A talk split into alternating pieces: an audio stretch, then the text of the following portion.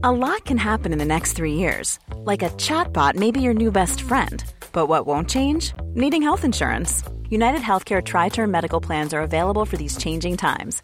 Underwritten by Golden Rule Insurance Company, they offer budget friendly, flexible coverage for people who are in between jobs or missed open enrollment. The plans last nearly three years in some states, with access to a nationwide network of doctors and hospitals. So, for whatever tomorrow brings, United Healthcare Tri Term Medical Plans may be for you. Learn more at uh1.com. Burrow is a furniture company known for timeless design and thoughtful construction, and free shipping, and that extends to their outdoor collection. Their outdoor furniture is built to withstand the elements, featuring rust-proof stainless steel hardware, weather-ready teak, and quick-dry foam cushions. For Memorial Day, get 15% off your Burrow purchase at burrow.com slash ACAST and up to 25% off outdoor. That's up to 25% off outdoor furniture at burrow.com slash ACAST. Everyone knows therapy is great for solving problems, but getting therapy has its own problems too, like finding the right therapist, fitting into their schedule, and of course, the cost. Well, BetterHelp can solve those problems. It's totally online and built around your schedule. It's surprisingly affordable too. Connect with a credentialed therapist by phone, video, or online chat, all from the comfort of your home.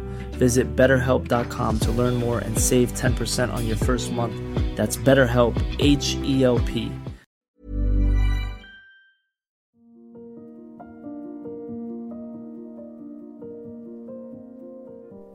Dette er del to av historien til Helene. I denne episoden snakker vi mye om psykisk helse, DPS. Vi snakker sammen om ting vi har til felles av traumer, og hvordan vi reagerer eh, på traumene. Eh, hun snakker om opplevelsen sin med psykisk helsevern. Hun snakker om hvordan folk reagerte når hun kom ut med voldtekten, og mye forskjellig. Og jeg håper du ønsker å fortsette å høre på historien til Helene.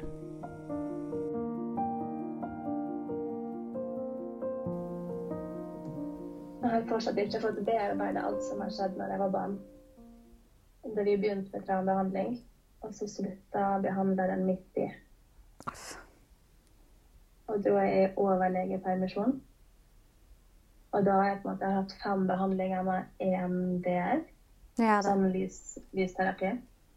Og da har jeg aldri snakka med noen om det før. Jeg har aldri snakka detaljert om hva som har skjedd.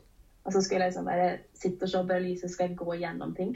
Mm. Og så satt hun liksom der og fikla med klærne sine og tok liksom av nuppa på toppen sin. Og til slutt så klarte jeg på en måte å komme inn i det. Men da dro jeg i overlegepermisjon, så var en måned. Mm. Og så fikk jeg vite at hun hadde slutta. Så jeg, jeg ble helt ødelagt etter det. Mm. Så etter det så har jeg egentlig ikke snakka så veldig masse om det. Nei. Hvordan syns du eh, hel eller psykisk helsehjelpen har vært da når det kommer til det? Traumebehandling har vært ganske vanskelig å få hjelp med, i hvert fall det er derfor det er så komplekst. Mm. Jeg har andre diagnoser som kommer av det, Mm. eh, som gjør at jeg må passe veldig masse på hvordan jeg jobber med det, fordi at det ene kan utløse det andre. Så det har på en måte Jeg får god hjelp på andre ting, men akkurat traumebehandling har på en måte stått litt på vent fordi at det er så alvorlig å gå inn i det igjen at når jeg på en måte er suicidal, så må jeg være veldig forsiktig med det Mm. for å ta vare på meg sjøl. Mm. Så nå får jeg veldig god hjelp. Eh, Jeg går to ganger i veka til eh, på, på DPS. En individuell time og så en gruppetime. Der jobber jeg med noe DBT. Mm. Så det er veldig bra. Men i Oslo så var det veldig dårlig hjelp å få, for det var så mange som trengte hjelp. Jeg var på en måte sett på som en person med diagnose og lang historikk. Mm. Så jeg ble ikke prioritert på samme måte som nå. Jeg er ikke prioritert, men jeg fikk ikke den hjelpen som jeg burde hatt. Nei. Hvordan Har du anmeldt alle overgrepene? Mm. Jeg anmeldte Johan som var 14 år. Mm. Og det ble jo dømt til 16 mindreåringer og ikke overgrep. Selv om det står i rettssaken at, eh, at jeg ikke ville ha og ja. Ja. Så jeg kjenner ikke helt den dommen der. Eh, han som da jeg var 21 år, han prøvde å anmelde det. Men jeg hadde ikke noe bevis. Så jeg kunne ikke De kunne bare gi meg besøksforbud. Og så henla de anmeldelsen min. Og sa at jeg måtte ringe 112 hvis han gjør noe igjen. Så han fikk jo en ny kjæreste to uker etter at vi gjorde slutt. Mm. Og gjorde ting enda verre med henne. Hun fikk han i fengsel, da, Mm. Til slutt. Men jeg hadde jo den skammen om at Eller skyldfølelsen for at jeg ikke fikk til å anmelde han, at det gikk utover andre igjen. Ja, jeg skjønner. Og det som skjedde da jeg var barn, det har jeg ikke turt å anmelde. Egentlig fordi at det er så mange år siden. Mm. Er det er jo nesten 20 år. Mm. Og ja, jeg har jo ikke noe bevis. Så det blir meg ord mot ord. Så kan det ikke ta test i dag for å sjekke om DNA eller. Nei. Så jeg vil ha liksom vurdert det mange ganger, men jeg tror det blir så omfattende og forferdelig å gå inn i det. Ja, jeg skjønner. Det er vanskelig når det er så mange saker som blir henlagt. Mm. Ja, etter Jeg har jo bare anmeldt den som skjedde fra da jeg var 10 til 12, og så var det et fysisk etter jeg var 12. Og jeg har bare anmeldt det første og ikke det andre, fordi at eh, når at eh, Det var jo mamma de som anmeldte, det var ikke jeg som anmeldte. Eh, og jeg er glad for det, for jeg hadde ikke klart å gjøre det sjøl. Eh, men etter på en måte jeg hadde fått henleggelsen og vært gjennom avhør og alt dette greiene her, det var da jeg fikk den der psykiske knekken, og jeg begynte å slite helt sinnssykt psykisk. Og begynte å få selvmordstanker, og begynte å få panikk og angst, og ble paranoide og ble helt eh, Ja. Eh, og det på en måte satt litt skrekken i meg, at jeg, at jeg ikke tør å gjøre det igjen. For jeg er så redd for å komme tilbake der igjen, fordi jeg følte meg ikke ivaretatt av systemet. Jeg følte bare Sånn når jeg var hos politiet, så var jeg bare enda en en. måte. Jeg ble ikke møtt som et menneske. Du får bare et brev i posten, saken din henlagt. Du blir ikke ringt av en person og bare sånn Så forklarer de det detaljerte hvorfor og bla, bla, bla. Det er liksom bare sånn Ja, snakkes, liksom. Jeg skjønner veldig godt hva du mener. Det er litt tør liksom ikke gå tilbake til det til da jeg var 14 år, og den følelsen jeg hadde, det var Nei. Det ble bare verre når man gikk inn i det. Mm. Selv om jeg er glad for den dag i dag at jeg faktisk gjorde det. Mm. At han ble dømt og fikk fengselsstraff i fem, fire-fem måneder.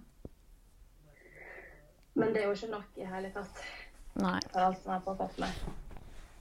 Nå har jeg rett og slett ødelagt store deler av livet mitt. Har gått glipp av så mange ting. Så fem måneder i fengsel er Nei. Tragisk.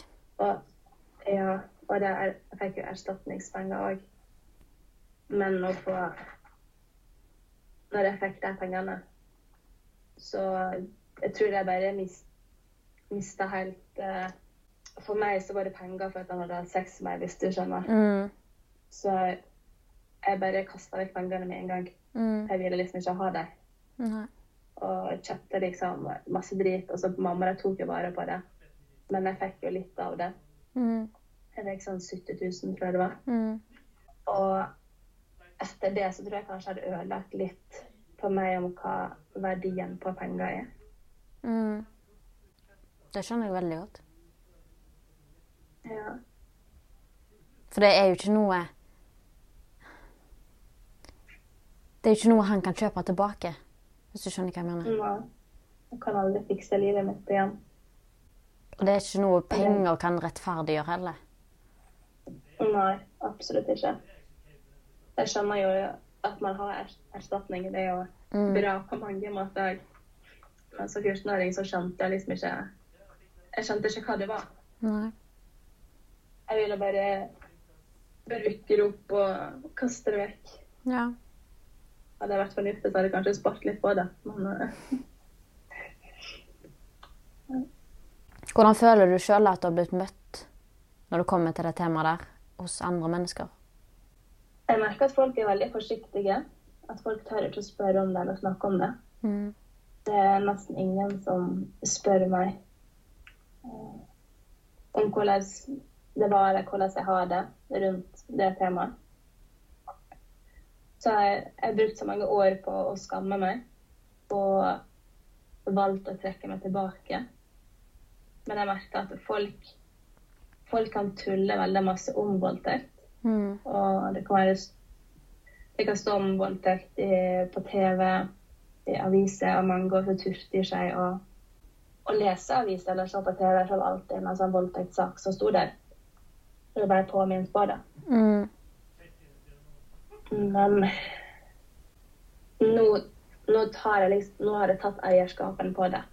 Jeg vil ikke at det skal styre livet mitt mer. Jeg vil ikke at jeg skal være stille fordi at noen har gjort noe mot meg.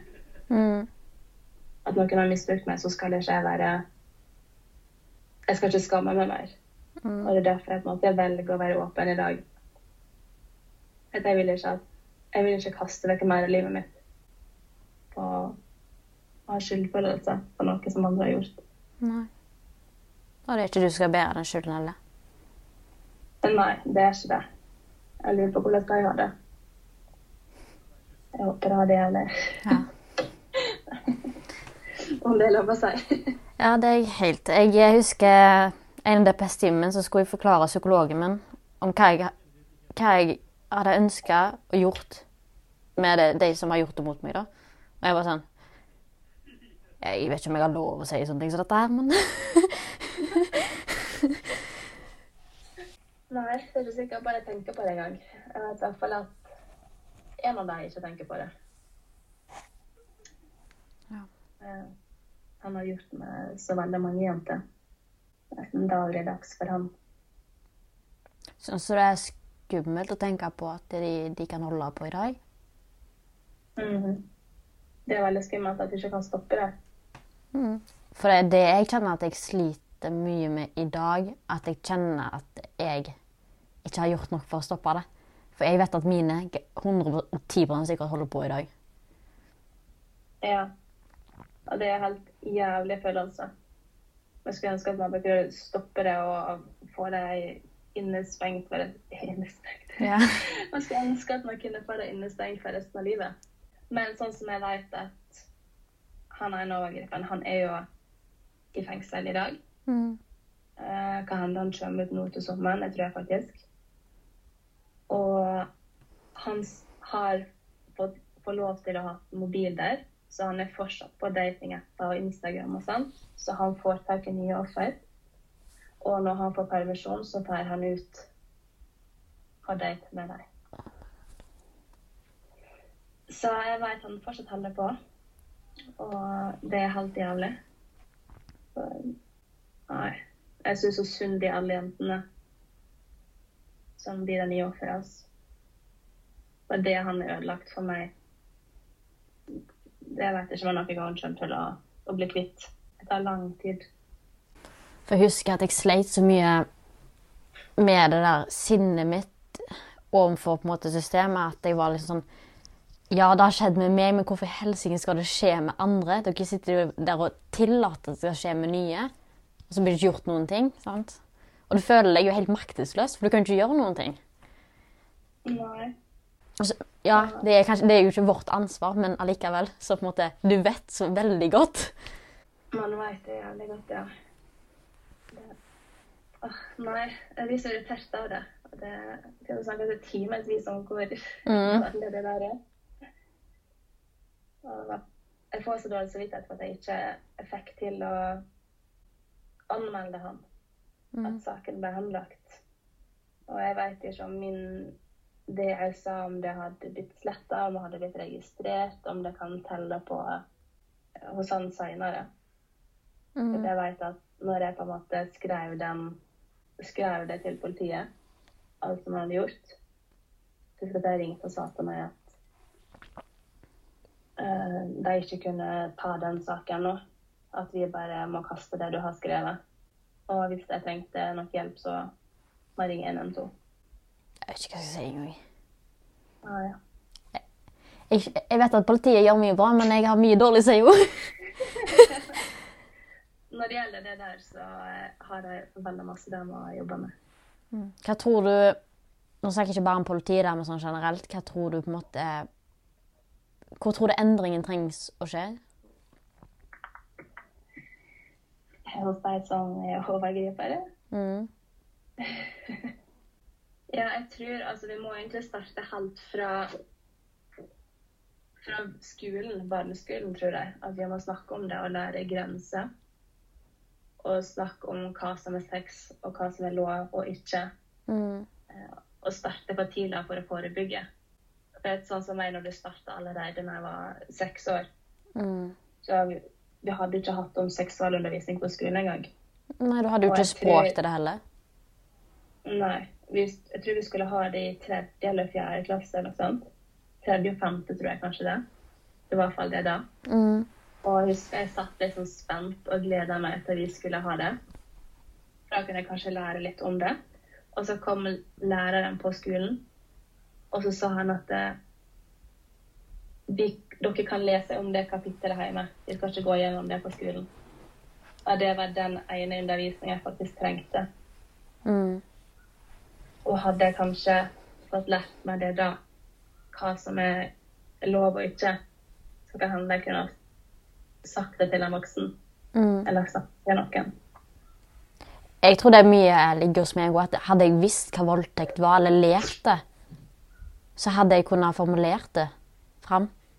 Fordi barn har jo som regel ikke språk til det, så de vet ikke hva de skal si. Nei, jeg visste jo ingenting.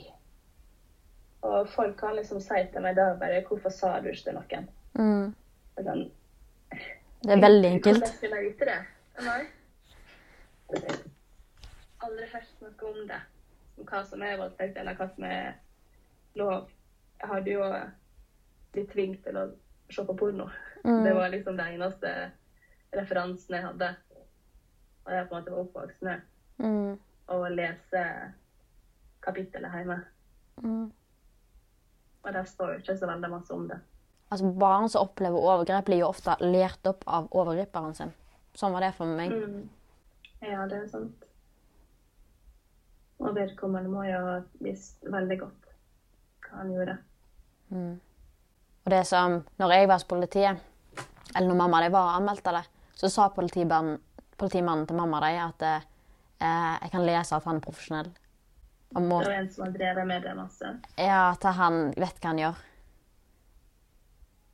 Jeg fant da ut hvem det var. Nei. Men jeg tror, jeg tror ikke de har etterforska saken heller. Jeg tror de bare har henlagt han. Fordi det tok ikke lang tid før jeg fikk en henleggelse i posten. Etter jeg hadde vært på avhørene som jeg skulle på. Det er så sjukt. Jeg, jeg fatter ikke at det er mulig. Hvorfor ikke undersøke, etterforske det enda mer? For å kunne stoppe vedkommende. Altså, Hvis det er en profesjonell, tenk hvor mange liv han ødelegger. Ja, altså jeg har nesten Når jeg har vært skikkelig sånn veldig sånn down og nesten drukna meg, meg sjøl i det, så har jeg nesten vært sånn Jeg skal ansette private etterforskere, for jeg må bare ha et navn. Jeg må bare vite hvem det er. Ja. ja, det skjønner jeg. Det er ekkelt å ikke vite hvem det er, og tenke at det kan være noen du kjenner, eller eh, Ja, eller læreren min på skolen. Altså, det, altså, jeg var så paranoid når jeg var ungdom. Det er helt Åh. Jeg kan ennå være det i dag. Ja, men det skjønner jeg godt. Man blir jo veldig paranoid av det der. Mm. Jeg husker det var Det var så masse sånne folk når vi satt på internett når vi var små. Mm. Jeg kan huske mange sånne samtaler vi hadde. Vi snakka jo med masse menn Mm. eh, som på en måte sa veldig drøye ting. Husker jeg også det var veldig masse. Mm. Det... Der satt vi liksom og trykte, så kom det plutselig en person som, Ja. som runka opp til kamera. Voksne menn. Og så satt vi sånne små jenter bare ah! det er helt sykt. Vi har en lang vei å gå når det kommer til de greiene der, da. Ja. Både det når det kommer til på en måte undervisning, eh, politi, eh, når det kommer til overgripsmenn, eh, lovverk, samfunnet, hvordan vi skal prate om det. Fordi jeg skjønner jo for Jeg er veldig åpen om det, og jeg kan snakke med hvem som helst om det nå i dag. Men jeg tror det er fordi jeg har tatt så mye eierskap til det at jeg har bare spist det slukende. Mm. Eh, men jeg tror mange syns det er veldig vanskelig å snakke om, for de vet ikke hvordan de skal trå. Så de er redd for å trigge noe eller såre deg. Jeg tror ikke folk vet hva man skal spørre om. Nei. Og det, jeg får veldig mange meldinger fra folk på Instagram som fortsatt ikke er åpen, eller har vært åpen om hva som har skjedd med dem. Mm. Eh, og så har jeg fått også veldig mange meldinger fra folk som faktisk har åpna seg og snakka med noen om hva de har opplevd. Mm. Jeg tror at jo mer åpenhet, jo mer vi snakker om det, jo lettere vil det bli for folk. Og at de også kan åpne seg og snakke med noen om det. Mm. Det å gå rundt og holde det skjult. Det, man blir bare sjukere og sjukere. og Mm. Så legger du ikke merke til at du blir sjukere av det heller. Nei. Til slutt så er man totalt isolert. Mm. Vet man. Det, det spiser deg opp sånn innvendig. Det gjør det. Den paranoiditeten, angsten, alle panikkanfallene, skylden, skammen, depresjonen. Og til slutt så Du har ikke lyst til å leve lenger. For det er så det er så tungt å gå og bære på det alene. Ja, det er det. Jeg er så glad for at jeg endelig turte å være åpen om det og turte å snakke om det. For jeg hadde gått i behandling i mange år etter det som skjedde da jeg var 14 år. Så gikk jeg jo til Begynte med å gå med traumebehandling. Og så var jeg ikke klar for det, og så kom jeg tilbake igjen når jeg var rundt 17 år. Mm. Da kom jeg eh, til psykolog igjen. Eh, det begynte med å snakke litt om det, men så slutta jeg. For da måtte jeg på DPS og ikke BUP. Og da kom jeg ikke tilbake igjen før jeg var rundt 20 år. Og fortsatt da altså ingen som spurte meg om hadde noe skjedd med deg når du var barn. Mm. Eh, Så ikke før i 2020, da var det en psykolog som på en måte spurte meg Det har gått i deg så mange år, og så spurte meg om Jeg skjønner ikke helt historien din. Det er noe som mangler her. Mm. Har du opplevd overgrep som barn? Og så ble jeg helt stille. Og så tenkte jeg Oi. Det har jeg faktisk. Mm. Og da måtte hun liksom Hun bare begynte å styre boka. Hun bare Oi, OK. Og så bare OK, nå må du Nå må du fortelle. Eh, hvorfor har ikke du liksom sagt det før? Og nå, nå skjønte hun mer hvorfor, hvordan historien min henger sammen. Mm. Jeg snakka så masse om det overgrepet. eh, Og vi, altså liksom, jeg snakka fra jeg var 14 oppover. Mm. Jeg snakka ikke fra jeg var barn. Og hvis hun spurte om ting som var barn, så ga ikke ting mening. Mm. For jeg skjulte fortsatt det som har skjedd. Så hadde ikke hun spurt om det, så veit jeg ikke om jeg hadde vært åpen den dag i dag. Nei. Så det er så viktig å spørre. Det er kjempeviktig. Og det er bedre å spørre en gang for mye enn en gang for lite, tenker jeg. Ja. Og så det jeg tenker med, med at eh, folk ikke helt tør å spørre, så tror jeg de er redd for ikke å ha et svar til deg. Men jeg tror det er så viktig å huske på at eh, du trenger ikke alltid ha svar, men bare det å høre er viktig. Mm. For det, det er ikke noe, ingen kan gi meg et fasesvar på en måte som er så redder livet mitt. Det fins ikke. At noen har enten endra mening om deg eller tenkt annerledes om deg etter du på en måte har vært åpen om det. Etter hvert åpen om det nå, Mm. eller tidligere. Begge deler kan. Når jeg Etter det som skjedde da jeg var 14 år, når jeg anmeldte han, så var det veldig mange voksne folk, faktisk, som kom til meg på gata. Eh, Hvis jeg f.eks. var ute med venner, så kunne folk komme bort til meg fulle av voksne folk. Komme bort til meg og spørre liksom hvorfor jeg anmeldte han, og om jeg anmeldte alle jeg har sex med. Så det gjorde jo at jeg angrer skikkelig på at jeg anmeldte han. og angra på at jeg liksom snakka om det, og jeg visste ikke at noen skulle Jeg ville ikke at noen skulle snakke om det. Mm. Og da tror jeg kanskje at jeg ble veldig avvisende mot folk. At folk ikke turte å spørre meg om det. Men nå, når jeg har vært åpen som voksen, så har folk takka folk meg. Og folk er veldig mer åpne og forståelsesfulle. Så jeg har ikke møtt noe negativitet rundt det. Mm. Men tror du det har noe med at du var et barn da, nå er du voksen? Ja. Jeg tror jeg hadde mer fordommer mot meg som barn. Mm. Uh, for jeg, jeg tror kanskje folk tenker at jeg framprovoserte det sjøl. Mm. Det var sånn jeg forsto at folk så på det som. Mm. At, at jeg bare anmeldte folk jeg hadde sex med. Mm. Og at eh, 14-åringer skal ikke drikke. Mm. Men det var jo folk som var eldre enn meg, som serverte det til oss. Mhm. Jeg kom jo ikke med liksom, en pose med alkohol sjøl. Nei, og uansett om du er 14 år eller hvor gammel du er når du drikker, det har ikke en ting å si. Det er ikke den personen sin feil om du er drita, eller om du har alkohol i blodet, eller om du ikke har det. Whatever. Mother's Day is around the corner. Find the perfect gift for the mom in your life with a stunning piece of jewelry from Blue Nile. From timeless pearls to dazzling gemstones, Blue Nile has something she'll adore. Need it fast? Most items can ship overnight. Plus, enjoy guaranteed free shipping and returns. Don't miss our special Mother's Day deals. Save big on the season's most beautiful trends. For a limited time, get up to 50% off by going to BlueNile.com. That's BlueNile.com. Hey, I'm Ryan Reynolds. At Mint Mobile, we like to do the opposite of what Big Wireless does. They charge you a lot, we charge you a little. So naturally, when they announced they'd be raising their prices due to inflation, we decided to deflate our prices due to not hating you.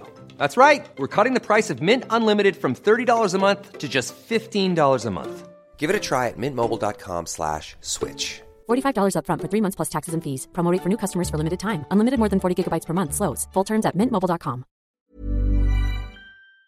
Det er ikke din selv om du er 14, eller om du er 18 eller 20, og du er full, og du blir voldtatt.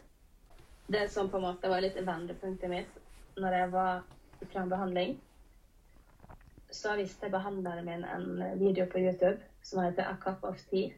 Har du hørt om den? Eh, Det er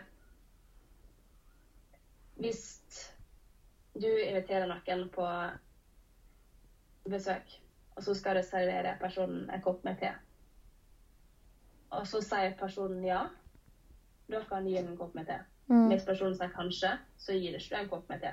Nei. Hvis personen sier ja, og så sier den nei, jeg vil ikke ha, da gir den fortsatt ikke en kopp med te.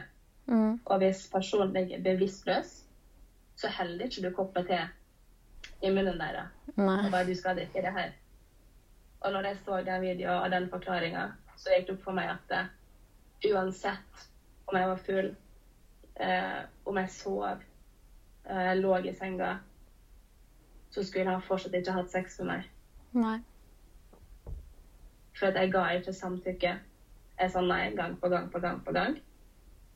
Og jeg sov. Mm. Og jeg har hatt så skyldfølelse for at jeg kunne bare ha sparka vekk. Jeg kunne ha gjort sånn og sånn og sånn. Men du går jo og fryser. Ja, du gjør det. Og han var en mann som var sterkere enn meg. Jeg var jo bare en liten jente. Mm. Og jeg hadde jo på meg bukse, jeg hadde på meg T-skjorte, og jeg var jo ikke noe sånn lettkledd som folk liksom ofte tenker at eh, du framprovoserte det, du var full, du hadde bare kortkjole. -hmm. det, det var liksom Altså så Nei. tenker jeg, so what, om du hadde hatt det? Ja. Du skal fortsatt ikke tenne på en kopp te. Nei, du skal ikke det. Da jeg gikk ut fra den timen, og så var jeg bare sånn Det var ikke min feil. Det var så deilig. Mm. Og bare Jeg følte meg så letta. X antall timer med psykolog og traumebehandling. Det var helt på slutten av siste timene med traumebehandling. Mm. Da var jeg liksom innlagt. Så er det den videoen som skal få meg til å innse at det var ikke min feil. Jeg kunne ikke ha gjort noen ting. Og selv om vi satt der i traumebehandling og jeg skulle liksom prøve å se for meg at jeg sparka han, kroppen min var liksom helt lamma. Mm. For jeg var på en måte så Jeg var så inni det når vi gikk inn i historien, at når jeg ligger der i senga og så ser jeg for meg at han er over meg Kroppen min var, den var så tung. Jeg prøvde å holde en pute, jeg prøvde å sparke, og til og med behandla sto foran meg. Jeg skulle prøve å slå en pute, men jeg hadde ikke noe krefter. Det er ikke bare å kjempe seg vekk ifra og noen har sex med deg. Ikke mot en vilje. Og når kroppen husker fra da jeg var liten, så Nei. Det gikk automatisk i frys. Mm. Har du noen gang følt at du har vært svak fordi at eh, du har latt det skje igjen? For det har jeg iallfall følt. Ja, det har jeg. Jeg tenker at jeg burde jo Jeg burde jo skjønne at det har jeg opplevd før, at nå kunne jeg ha stoppa det. Mm. Men jeg har ikke blitt noe sterkere. Og nå kan jeg på en måte gå tilbake og tenke sånn Å, herregud, jeg burde jo ha sett det. Mm. Men det er, litt, det er litt som at kroppen blir lamma. Mm. Du mister alle kreftene. Du Pulsen blir høyere, og kroppen blir slappere. Mm. Og jeg kan si i dag òg at hvis at det, det er noe som skulle skjedd med meg i dag, så hadde ikke jeg klart å stoppe det i dag heller. Nei, For jeg hadde reagert akkurat likt. det tror jeg også. Og jeg merker at jeg er fortsatt veldig redd menn. Ja, det er jeg òg. Jeg klarer ikke å ha mannlig psykolog være alene med en mann på rommet. Jeg klarer ikke fulle menn. Mm. Da må jeg være full sjøl. Mm. Jeg har en mannlig lege nå, men jeg prøver så på venteliste til å bytte til en dame. Mm. Men han, har setter seg veldig nært til meg. Mm. Og jeg rygger liksom bak ved stolen, og så følger han på en måte liksom etter. Mm. Og det er så tryggende. Ja. Alle situasjoner er Det er bare ding, ding, ding, fare, fare, fare, fare. fare. Ja, jeg hadde når jeg var Det var faktisk når jeg hadde vært hos legen eh, og bedt om å begynne til psykolog. Så var det en narkoman som var utenfor legekontoret når jeg skulle gå inn. Eh, og de kan være veldig sånn påtrengende og være veldig sånn, komme opp i ansiktet på deg.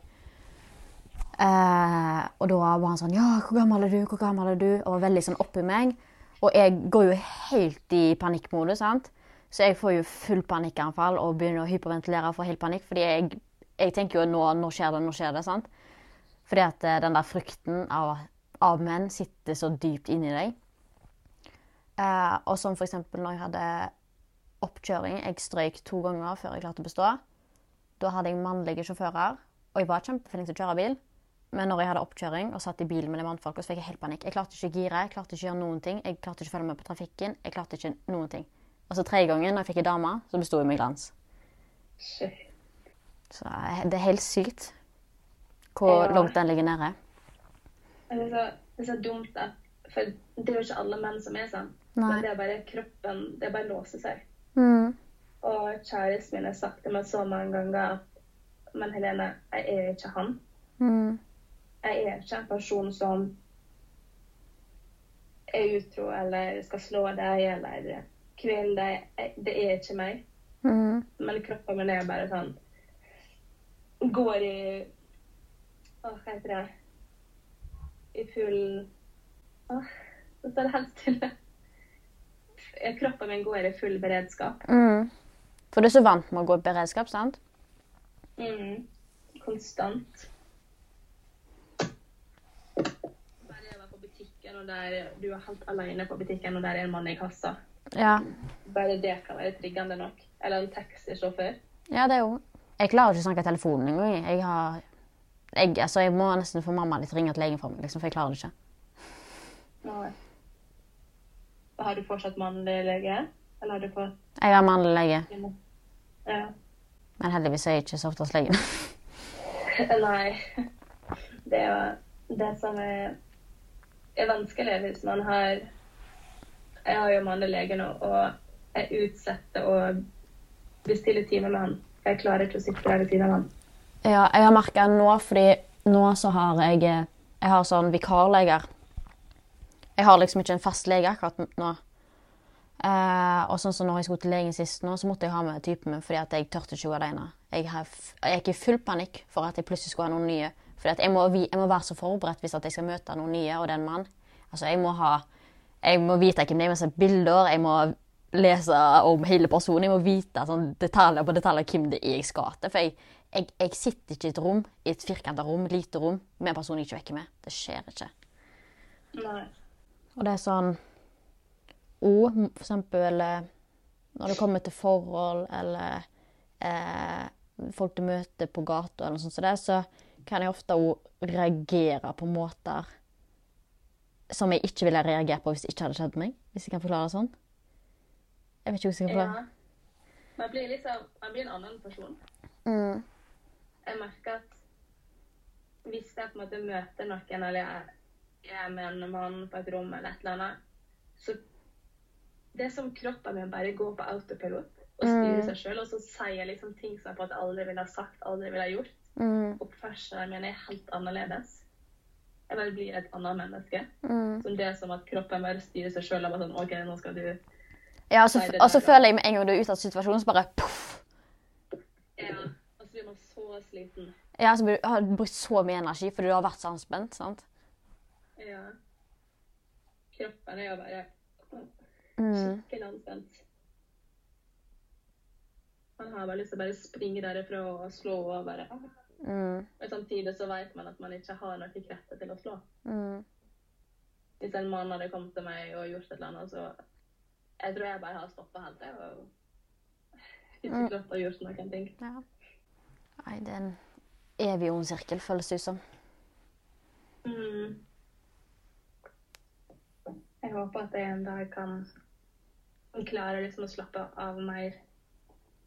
Og ikke gå rundt i full beredskap. Og Mm. jeg håper at jeg klarer å ha en dag uten angst i kroppen. Men går du til noe behandling nå?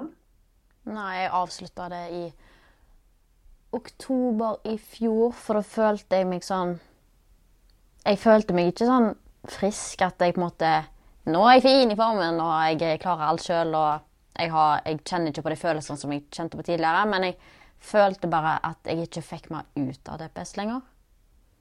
Og da Ja. følte jeg bare at eh, Jeg følte jeg på en måte wasta tida mi, om det gir mening.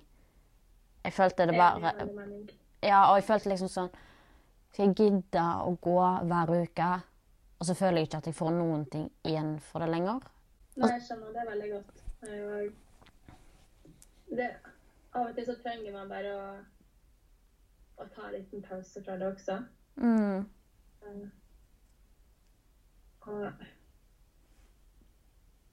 det å gå til behandling og bli snakke om det, det er veldig bra, men man kommer til et punkt der man er ferdig snakka. Ja, det er det. Nå går jeg til behandling for å få jobbe med på en måte å bli kjent med meg sjøl igjen, og hvordan jeg skal forbedre med meg sjøl og bli et bedre menneske. Lære meg liksom grunnleggende ting som jeg en måte har gått glipp av som barn. Mm. Som er på en måte egentlig en behandling som veldig mange burde Eller egentlig alle burde ha lært seg.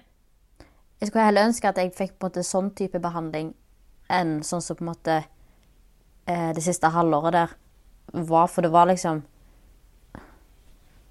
Det var liksom sånn i det samme og fortelle det samme.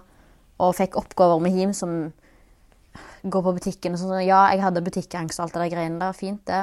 Men jeg begynte plutselig å jobbe i klesbutikk fordi jeg tenkte jeg må bare gi helt totalt faen. Jeg må bare prøve å kurere meg sjøl og bare gjøre det jeg er redd for, på en måte. Og så ble jeg mer og mer komfortabel med det, og da ble det liksom sånn til at eh, Ja, nå er du frisk, på en måte. Hvis du skjønner? før så gjorde jeg også det samme, eller behandlingene gikk til at vi snakker om det som har skjedd, og så kommer vi oss ikke videre. Mm. Det er liksom det bare stopper. Og da vurderte de å avslutte det, for det var liksom samme følelsen at jeg, jeg følte at jeg bare sto stille. Og bare så sto hakka og bare sånn OK, nå skal jeg hit neste uke, og vi skal sikkert snakke om det samme. Kanskje gå litt dypere. Men når jeg på en måte får den behandlingen jeg har i dag, så får jeg jobba med Jobba med liksom alt som, som blitt påført meg. Nei. Jeg får jobbe med å utvikle meg sjøl Mm. og lære meg verktøy til hvordan jeg skal håndtere hverdagen. Mm. Hvordan jeg kan være med og delta på ting, Mm. for eksempel. Og ikke stenge meg ute. Ja, og sånn for eksempel når jeg var ungdom, da, eh, på sånn ungdomsskolen videregående, så har jeg på en måte gjort masse ting jeg angrer på fordi at jeg ikke hadde de eh, sånn trygghet, omsorg, kjærlighet. Ja, jeg hadde det i familien min, for jeg har en god og kjærlig familie, liksom. Men når det kommer til sånn eh, relasjoner, når det kommer til menn og gutter, så hadde jeg på en måte ikke de Jeg har liksom ikke kjempa de følelsene før, da. Fordi at eh, jeg var så vant med å bli behandla dårlig, eh, voldtekt og alt dette her, og manipulasjon og eh, tvang og alt dette her. Eh, så har jeg jo gjort masse ting jeg angrer på, til en viss grad. Så hvis jeg tenker over det, ja, jeg angrer. Jeg får ikke gjort noe med det, så jeg, det er ikke sånn det preger meg i hverdagen. Men hadde jeg på en måte Og det skulle jeg ønske jeg kunne lært om i dag òg. Lære om det der. Kjærlighet, trygghet, omsorg, og på en måte bare det å bli kjent med seg sjøl, da, og på en måte Hva betyr det for deg? Det er så viktig del Mm. Utviklinga og hvordan du skal få det videre i livet. Mm. Fordi når jeg, når jeg på en måte var ungdom, så bare kasta du det vekk, for det betydde ingenting. sant? For det hadde ingen betydning fordi at det, du har blitt lært stikk motsatt. Ja. Man må rett og slett lære seg å leve på nytt. Mm. Lære å bli kjent med seg sjøl. Det er jo hverdagen som det er mest av. er Det å lære å fungere i hverdagen. Mm. Det er det som er det viktigste. Altså, det er utrolig viktig å bearbeide traumene. Og så skal du fungere etter det. Mm. Du skal etterverte hos DPS, og du har snakka om utrolig tøffe ting. Så må du på en måte vite litt hvordan du skal håndtere det å komme hjem.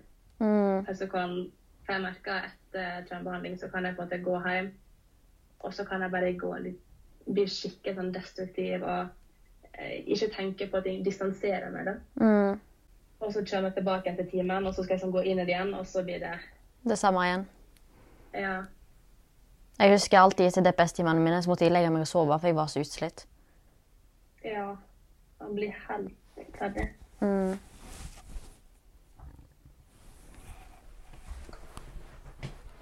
Det er ikke noe gøy å gå gjennom. Sånn jeg går gjennom det, så jeg blir så sur på alle voldtektsmenn at ikke de tenker over konsekvensene for oss etterpå. Mm, Jeg tror ikke de bryr seg heller. Nei, bare det er verdt å ha sex med noen som ikke vil det. Så hva fikk de ut av det? Og så skjønner jeg ikke at de klarer å sette seg sjøl i situasjonen. Altså, det er det mest private på en person, liksom. Ja. Etter overgrepene så mista jeg Jeg følte at jeg mista kontrollen på kroppen min. Ja, det har gjorde jeg òg. Jeg følte ikke at det var min egen. Så Jeg følte at det var bare alle mann sitt eie. Ja, det har jeg jo følt. Og det sleit jeg skikkelig mye med òg, så på slutt på DPS der, så For jeg slet veldig mye med dusjing. Enten at jeg ikke at jeg har svimt av i dusjen, eller at jeg har dusja altfor mye for jeg har følt meg ekkel.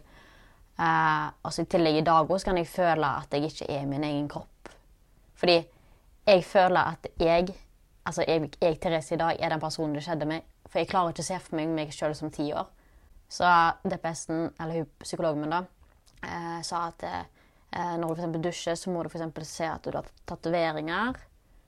At du har fått mer former, at du har for pupper, eksempel, og sånne ting. Så derfor at det, fordi at jeg ikke føler meg Jeg føler meg hele tiden som Therese Tiår når jeg er i det I traumene, da. Ja. ja den er Det har jeg også fått beskjed om som, se på fingrene dine.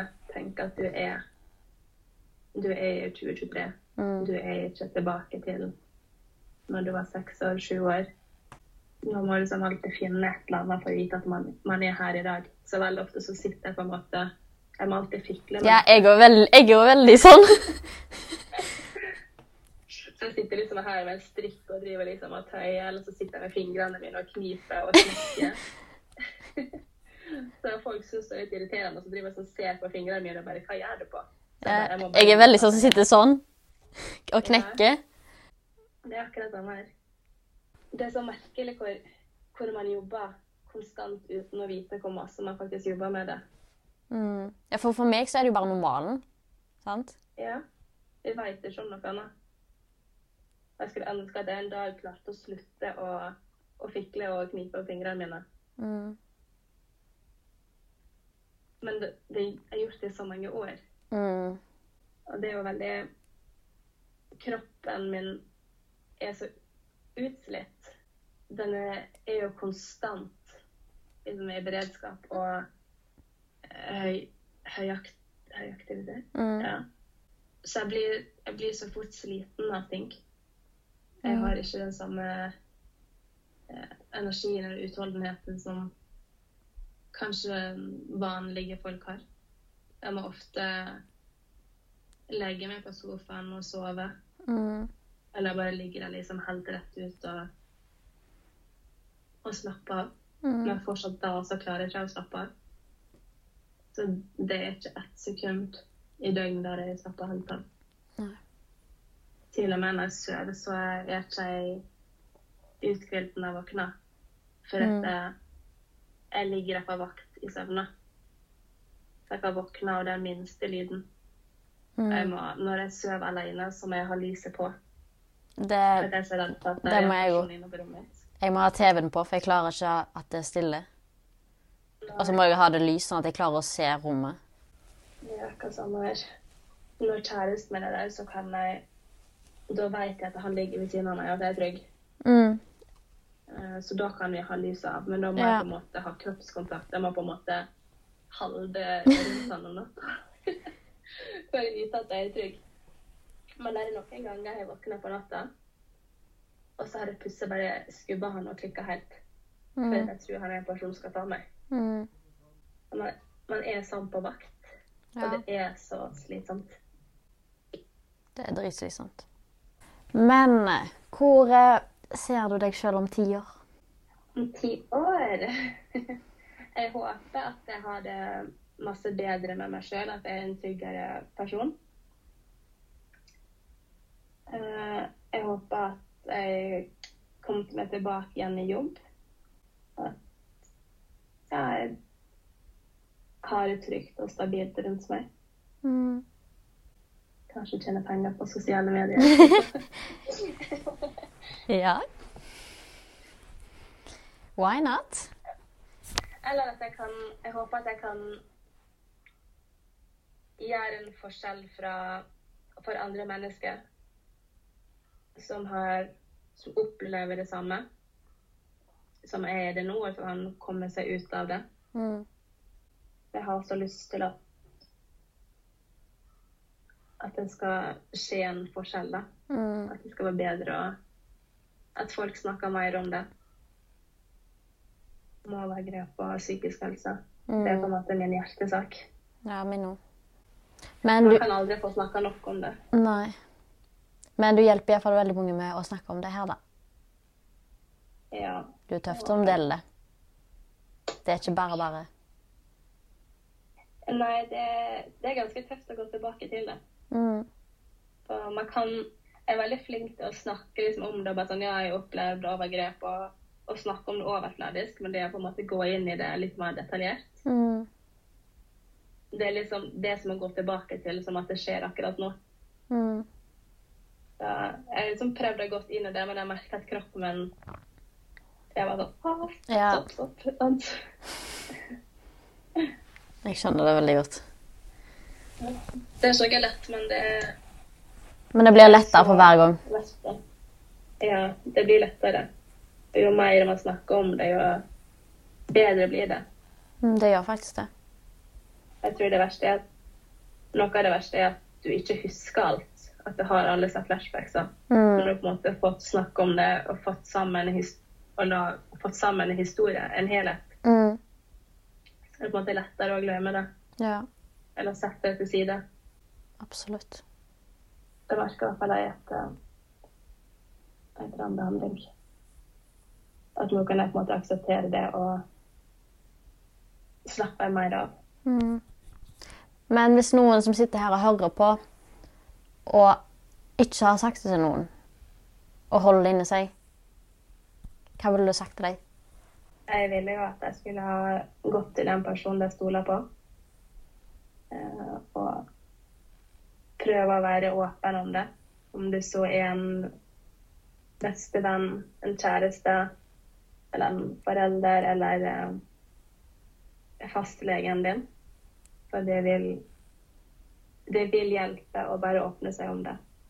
At Hvis du holder det inn, holder det inne for lenge, så det vil spise deg opp. Mm. Eh, Du vil bli lettere å bare åpne deg og få det ut. Mhm. Det kan sette i gang en prosess, men det er absolutt bedre enn hva utfallet kan bli hvis du ikke snakker om det. Ja.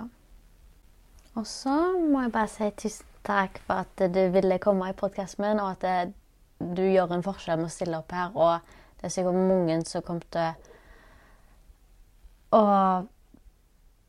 føle seg letta, føle at eh, de er ikke alene her om det. Og at du er veldig tøff som deler historien din, og at uh, du vil en dag komme til der at du føler at uh, du har makten over deg sjøl igjen, og at uh, du begynner å jobbe igjen. Og en dag så kommer den dagen der òg, der at eh, du får den suksessen du fortjener. Tusen takk. Det håper jeg virkelig jeg også. Og jeg er så glad for at du også er med på å gjøre en forskjell. Takk. At vi kan være med på å skape åpenhet rundt det. At flere tør å, å være åpne. Mm. Det er viktig. Mm. Og viktig å huske at du er ikke alene. Og det, det er så godt å vite at vi er flere. Ja. Det er trist, Det er trist. men, men du er ikke alene.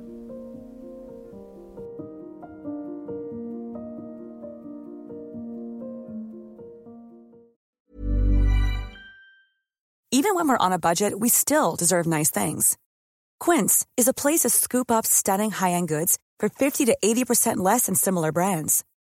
They have buttery soft cashmere sweaters starting at $50, luxurious Italian leather bags, and so much more. Plus, Quince only works with factories that use safe, ethical, and responsible manufacturing. Get the high-end goods you'll love without the high price tag with Quince. Go to quince.com slash style for free shipping and 365-day returns. Planning for your next trip? Elevate your travel style with Quince. Quince has all the jet-setting essentials you'll want for your next getaway, like European linen, premium luggage options, buttery soft Italian leather bags, and so much more. And is all priced at 50 to 80% less than similar brands. Plus, Quince only works with factories that use safe and ethical manufacturing practices. Pack your bags with high-quality essentials you'll be wearing for vacations to come with Quince. Go to quince.com slash pack for free shipping and 365-day returns.